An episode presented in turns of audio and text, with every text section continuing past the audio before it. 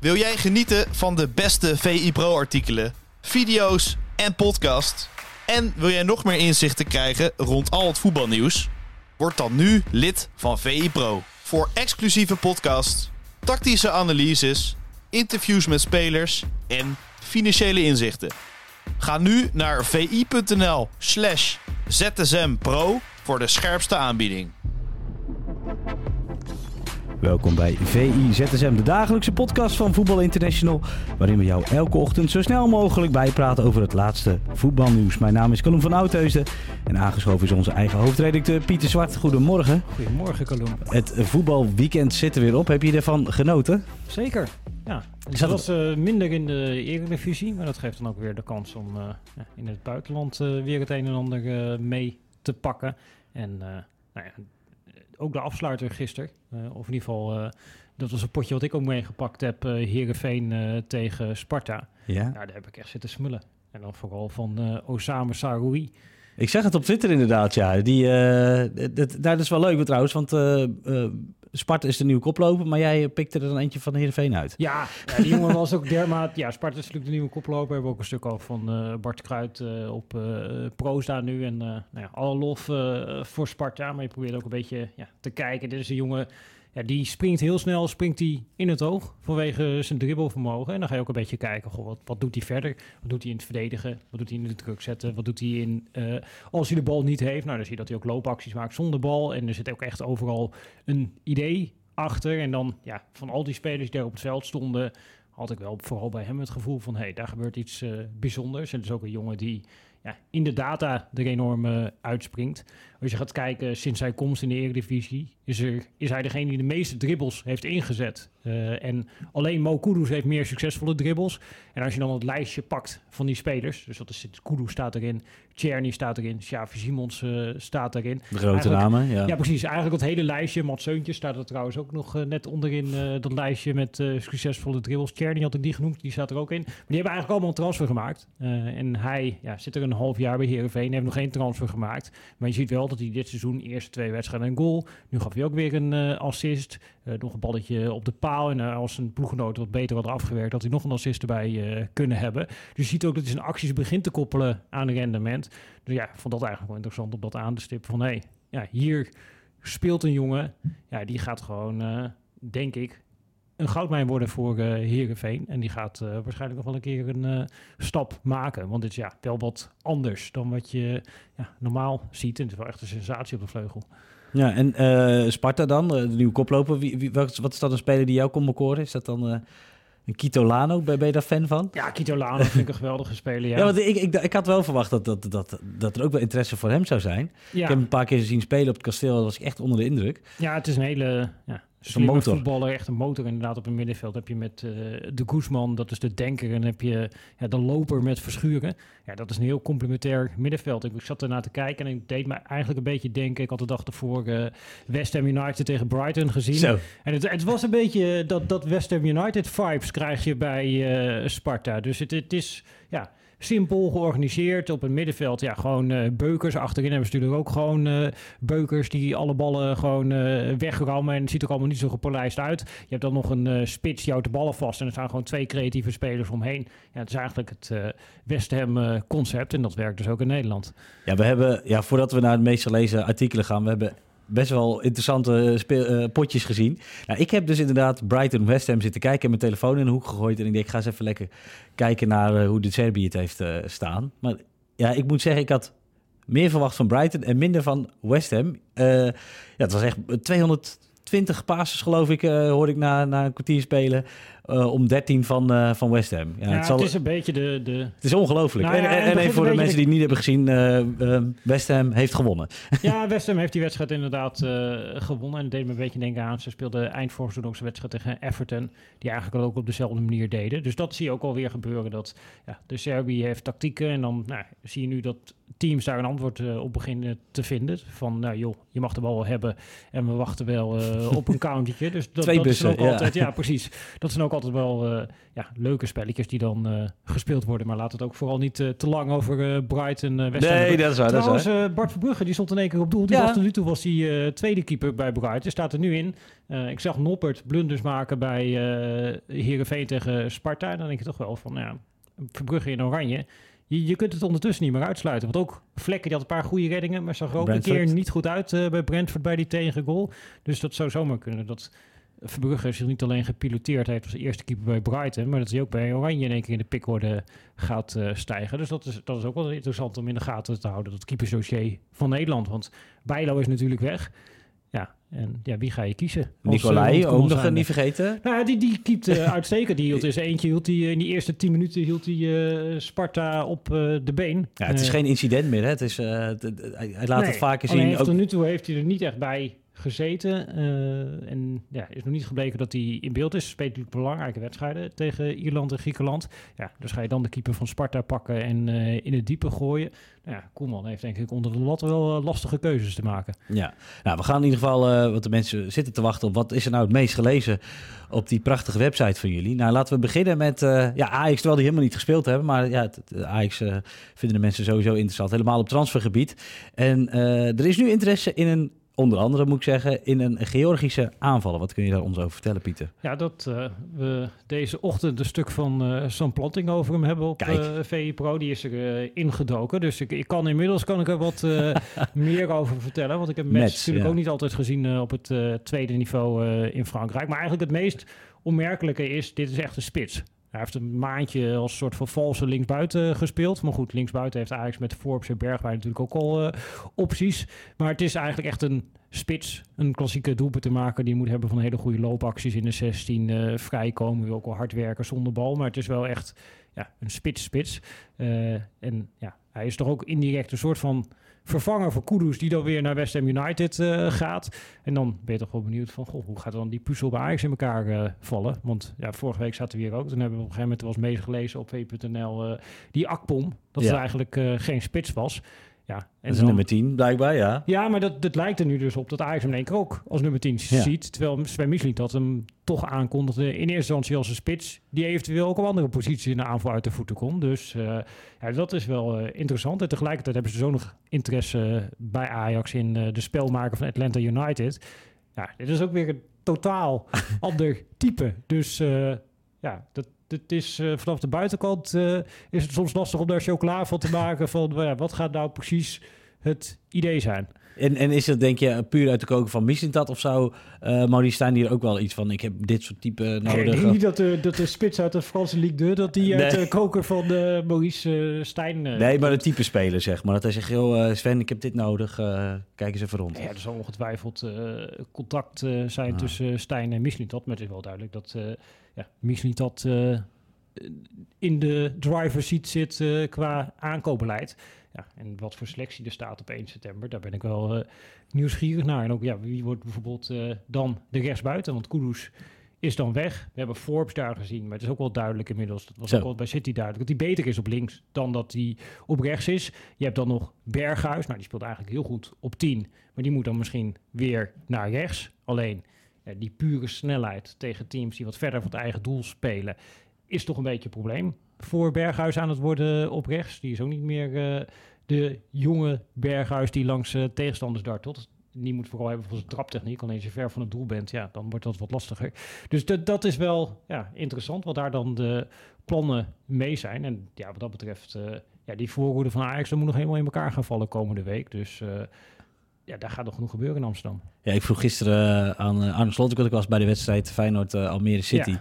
van uh, hoe beleef je dat nou als trainer die laatste, ja, die laatste week van de transfer deadline? Hij zei, nou, daar ben ik niet, uh, ben ik niet meest vrolijk. Dus uh, volgens mij moeten we niet bij hem aan de keukentafel zitten als, je, als gezinslid. In ieder geval, en bij Ajax zal het, het precies hetzelfde zijn. Uh, want er staat nog zoveel te gebeuren. En bij PSV natuurlijk ja. ook. Ja, en bij Feyenoord is het weer wat anders dan bij Ajax. Omdat bij Feyenoord hopen ze natuurlijk eigenlijk klaar te zijn. Dus die hebben ja, de dat afgelopen die ook, week ja. hebben die gehandeld met Linger en Ivanisek... die allebei binnen zijn gekomen. Uh, nou, Slot hoopt stiekem misschien nog dat er een keeper bij kan komen. Maar voor de rest ja, hopen ze vooral dat er niks meer gebeurt. En dat niet in één keer Geertruida bijvoorbeeld nog wordt uh, weggehaald. En dus die zitten ja, op een andere manier erin. En bij Ajax ja, uh, hoopt de trainer vooral dat er nog spelers bij komen. zodat hij een selectie heeft waarmee hij denkt... hier kan ik kampioen mee worden. Ja, dan heb je ook nog PSV... Ja, wat ook een rare situatie is. Uh, er wordt getrokken aan Bakayoko aan de ene kant. Uh, ze zijn bezig met Lozano als eventuele vervanger. Dan Sangare, dat hangt al... ja, die heeft een clausule in zijn contract. Dat hangt de hele boven de markt van... Ja, gaat die, gaat er niet. Ja, er zal toch iemand komen voor die clausule. Tot nu toe is die clausule nog steeds niet door een uh, Premier League club uh, gelicht. Ondertussen, ja, ze hadden bijvoorbeeld ook een vervanger deels in beeld, los van Schouten die al binnen is, met die Arster Franks. Die gaat dan inmiddels een andere kant uh, op. Ze willen eigenlijk, ja, die verdediging is de kwetsbaarste linie. Daar willen ze nog een versterking, maar die is er ook nog niet. En daar moet in één keer moet alles ook nog een soort van op zijn plek gaan vallen, waarbij een heleboel ja, afhankelijkheden hebt om eigenlijk het geld te kunnen genereren, genereren om ja, te kunnen doen wat je wil doen. Dus ja, dat, dat wordt ook nog uh, heel interessant uh, in die laatste weken. En dat vind ik het altijd wel grappig om dat dan te contrasteren met een club als AZ. waar echt serene rust is. De Carlson is vertrokken, maar ja, eigenlijk die vervanger was al binnen. Zoals ook toen Kerkers uh, vertrok, was de vervanger Wit, ja. al binnen met uh, Meester Wit. Maar ook met die David Muller-Wolfer. Oh, ja. Die was ook ja. al van tevoren aangetrokken. Nou, nu dus op links met uh, Verbommel, Poku hebben ze ook wel die Lachto die er nu door begint te breken. Nou, dan beginnen ze nu op rechts gaan ze waarschijnlijk nog een extra optie erbij halen vanuit Zweden. Maar ja, daar lijkt het heel erg ja, rustig te zijn. Uh, nou ja, dat, selectie. dat gelijkspel, dat uh, hakte er misschien wel een beetje in tegen de, tegen de Noorden. Ja, zeker. Maar je hebt daar niet het idee van dat ze in één keer zoiets hebben van... oh, er moeten acht nieuwe spelers bij en er moet nog van alles gebeuren. Nee, ja, ze hopen daar klaar te zijn. Het enige daar wat nog boven de markt hangt is Pavlidis. Van gaat er toch nog een club komen die dat aftikt. maar zelfs daarvoor zal waarschijnlijk wel ja, een plan uh, voorhanden zijn inmiddels uh, bij AZ. En dat is denk ik ook een beetje het verschil tussen AZ en bijvoorbeeld de fase waar PSV en Ajax in zitten. Want er is een nieuwe trainer met nieuwe ideeën, met een mhm. nieuwe speelwijze, waar je dan eigenlijk ook andere spelers bij nodig hebt. En dat kost vooral tijd. En dat is denk ik het verschil met ja, AZ en Feyenoord. En dan zullen mensen zeggen, ja, Feyenoord won de eerste twee wedstrijden niet, dus hoe goed gaat het? Maar er is wel duidelijkheid over de speelwijze en daar worden specifiek spelers voor aangetrokken. Uh, en dan ja, is de kans van slagen, denk ik, toch over het algemeen ja, iets groter dan wanneer je eigenlijk een elftal in transitie bent en je probeert daar spelers uh, voor aan te trekken. Ja, um, dan toch even terug naar Ajax, want we gaan wel lekker van links naar rechts natuurlijk. Maar dat, uh, dat, dat kan niet anders op zo'n maandag waarin er uh, van alles is gebeurd over het weekend. Uh, wat het meest gelezen op VI Pro is de, de Davy Klaas. Even ja, oh ja, we hebben ja, de hele puzzel besproken, maar dat, dat hangt er ook nog boven. Ja, ja, die hebben we ook nog. Davy Klaassen, want het is toch ook ongelooflijk hoe dat altijd gaat met zijn persoon. Bij de Ajax-fans is deels geliefd, maar zeg andere, een andere groep zegt dan weer van... nou ja, hij kan er niks van en hij past er niet meer bij en hij is te, te, te traag. Hoe kijk jij eigenlijk naar de prestaties van, van, van Davy Klaassen? Vind jij dat hij nog past in het huidige Ajax? Nou ja, het, het is... De, dat is ook waar het stuk van uh, Real Boerga een beetje uh, over gaat. Dat ja, hij heeft nu een hele nuttige rol binnen dit Ajax. Dat zie je dat als hij erin komt tegen Excelsior. Met ja, zijn gevoel in de 16 op de juiste posities opduiken. Het is natuurlijk gewoon een hele betrouwbare teamspeler. Die op die manier nut kan hebben. Alleen hij is wel de ja, 12e, 13e, 14e man in de huidige selectie. Niet de eerste keus om nummer 10, wat we net bespraken. Ja, er komt alleen maar keuzes komen er, uh, komen er uh, rond zijn positie nog bij. Uh, en daar gaat het stuk een beetje over. Dat ja, hij wat dat betreft zelf de sleutels in handen. Stijn heeft zoiets van, nou, die wil ik er graag bij houden. en ja, hij hoeft niet weg bij Ajax, maar het is meer de vraag van, ja, heeft hij zelf nog zin om weer, want dat is natuurlijk ook een beetje het verhaal van Klaassen vaak in een seizoen, dat hij begint op de bank. Ja. En dan, uh, wat, wat Toornstra bij Feyenoord geloof ik. Die, ja, eh, precies. Uh, andere... Dat heeft Klaassen er ook soms wel bij Ajax, dat uiteindelijk hij vaak toch weer uh, in dat elftal rolt en weer een basisplek afdwingt. Maar heeft hij zin om nog een keer ja, dat hele traject in te gaan? ja, dat moet hij voor zichzelf bepalen. en tegelijkertijd hangt het af ja, wat zijn alternatieven voor hem. Dus ja, ook voor Klaas worden nog wel uh, interessante, interessante dagen. Wat, wat zeg jij ervan als mensen dan noemen dat hij wel eh, behouden moet worden vanwege het Ajax-DNA. Is dat echt, een, echt iets om dan een speler er maar bij te houden?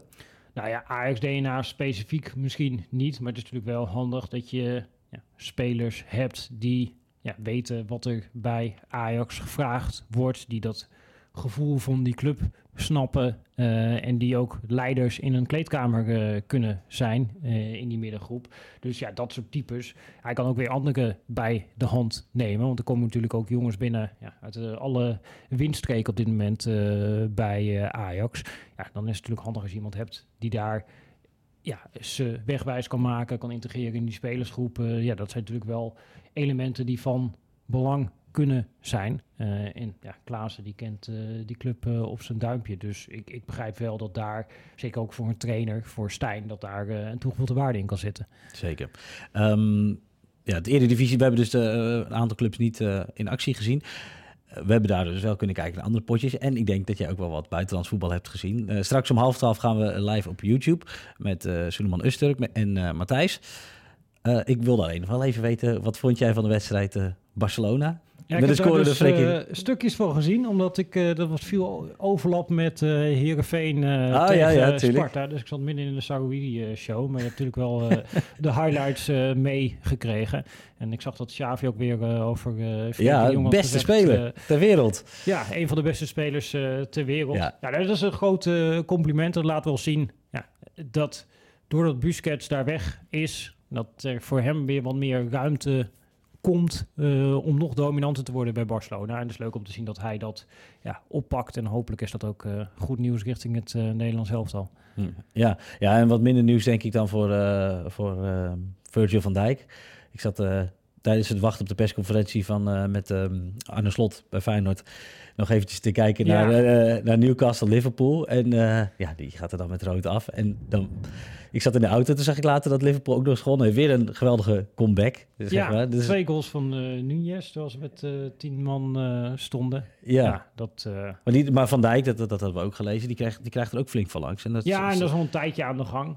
En daar sta ik ook een beetje dubbel in. Ja? Dus ja, eh, aan de ene kant is duidelijk dat hij, eh, ja, zeker als hij terugkomen van die blessure heeft en alles moeten spelen. Eh, en ik heb het vorig jaar ook wel eens over Liverpool gezegd. Het is een soort voetbalburn-out waar dat elftal in zat. Want die altijd na dat jaar met eh 60 wedstrijden, ja, zag je gewoon dat die hele kern van spelers, want Klopp roleert ook wat minder dan de gemiddelde trainer, dat die er eigenlijk allemaal beetje doorheen zaten, te, zaten. En ze allemaal niet op een niveau zaten dat je van hen verwacht. En dat gold ook voor eh, Van Dijk. Eh, dus nou, die, die zin is eh, kritiek terecht. Eh, en tegelijkertijd merk je dat wat eigenlijk altijd zijn kracht is geweest in de periode dat het goed ging bij Liverpool, namelijk dat hij heel lang wacht met ingrijpen en eigenlijk vertrouwt op zijn snelheid, eh, maar ook bijvoorbeeld de goede keeper achter hem om situaties eh, op te lossen. Dat nu het minder gaat bij Liverpool en dat ze tegendoepen te krijgen, dat dat allemaal tegen hem gebruikt wordt. Ja. En dat, eh,